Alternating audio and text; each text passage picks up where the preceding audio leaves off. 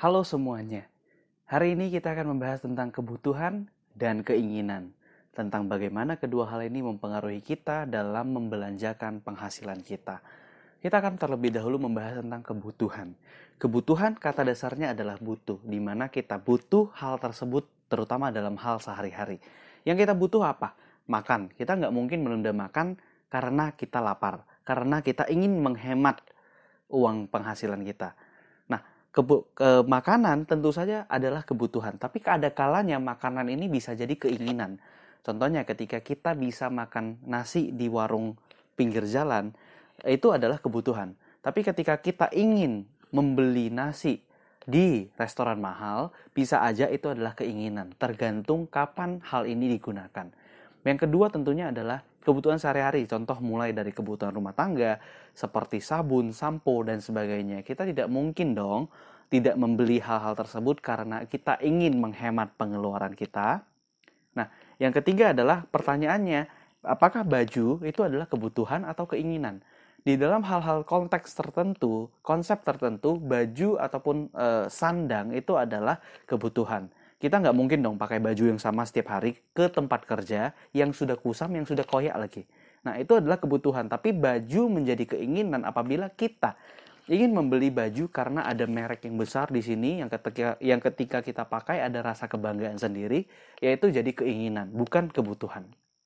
Nah, pertanyaannya adalah kebutuhan tidak bisa kita hindari. Kebutuhan adalah sesuatu yang kita harus worth to spend. Artinya kita harus benar-benar habiskan penghasilan kita, bukan semuanya, tapi untuk secukupnya memenuhi kebutuhan kita. Prinsipnya kita berpenghasilan, prinsipnya kita bekerja adalah untuk memenuhi kebutuhan sehari-hari. Nah, bagaimana dengan keinginan? Keinginan kata dasarnya adalah ingin. We want something. Kita ingin sesuatu. Kita bukan membutuhkannya, tapi kita ingin sesuatu. Kita ingin nonton film, kita ingin. Kita ingin pergi bermain, kita ingin. Kita ingin pergi jalan-jalan, ingin. Nah, jalan-jalan, saya tarik sebentar. Apakah jalan-jalan ini sebuah kebutuhan atau sebuah keinginan? Tergantung juga bagaimana cara pakainya.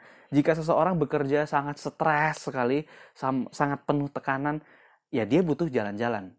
Menenangkan pikiran, mencari angin segar, dia butuh. Tapi seseorang yang hanya ingin jalan-jalan, ya dia ingin menjadi keinginan. Keinginan di sini adalah sesuatu yang kita bisa tunda untuk uh, pengeluarannya, karena kebutuhan tidak bisa ditunda. Yang saya ingin tekankan adalah kita ketika kita berjalan-jalan, mungkin di mall atau di pusat perbelanjaan. Nah, ada hal kalanya, ada kalanya ketika kita tidak butuh sesuatu, tapi karena teknik penjualan dari beberapa uh, jenis brand ataupun beberapa jenis pakaian, beberapa jenis uh, barang yang dijual di mall, kita bisa merasa hal itu semacam kebutuhan kita. Saya ambil contohnya, pernah lihat orang berbelanja di supermarket ataupun di uh, ya supermarket ya.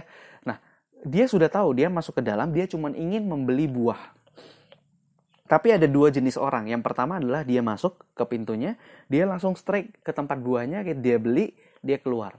Yang kedua adalah orang tipe orang yang masuk, dia berkeliling, baru dia ke tempat buah.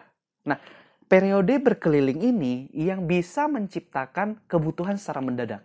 Yang di, yang uh, yang dia tidak butuh membeli meja ketika melihat meja bagus dan ada diskon, dia jadi butuh meja yang ketika sepatunya masih bagus, dia lihat sepatu ada diskon, bagus pula, buy one get one, dia jadi butuh sepatu.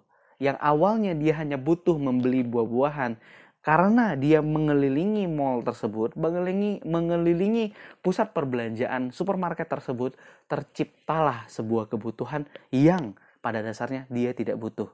Apalagi bapak-bapak, ibu-ibu, teman-teman semuanya yang gampang tergiur oleh diskon karena kita melihat itu diskon biasanya kita harus membayar 2 juta sekarang kita cukup membayar 1 juta kita menjadi butuh kebutuhan itu langsung tercipta. Itu karena adanya diskon.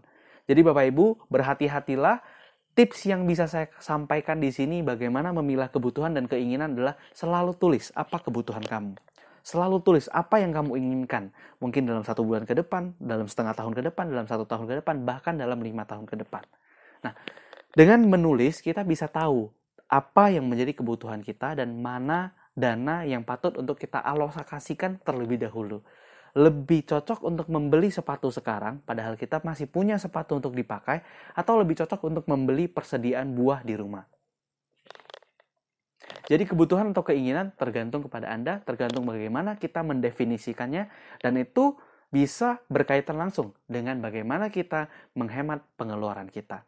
Sampai sini aja, ketemu lain episode. Bye-bye.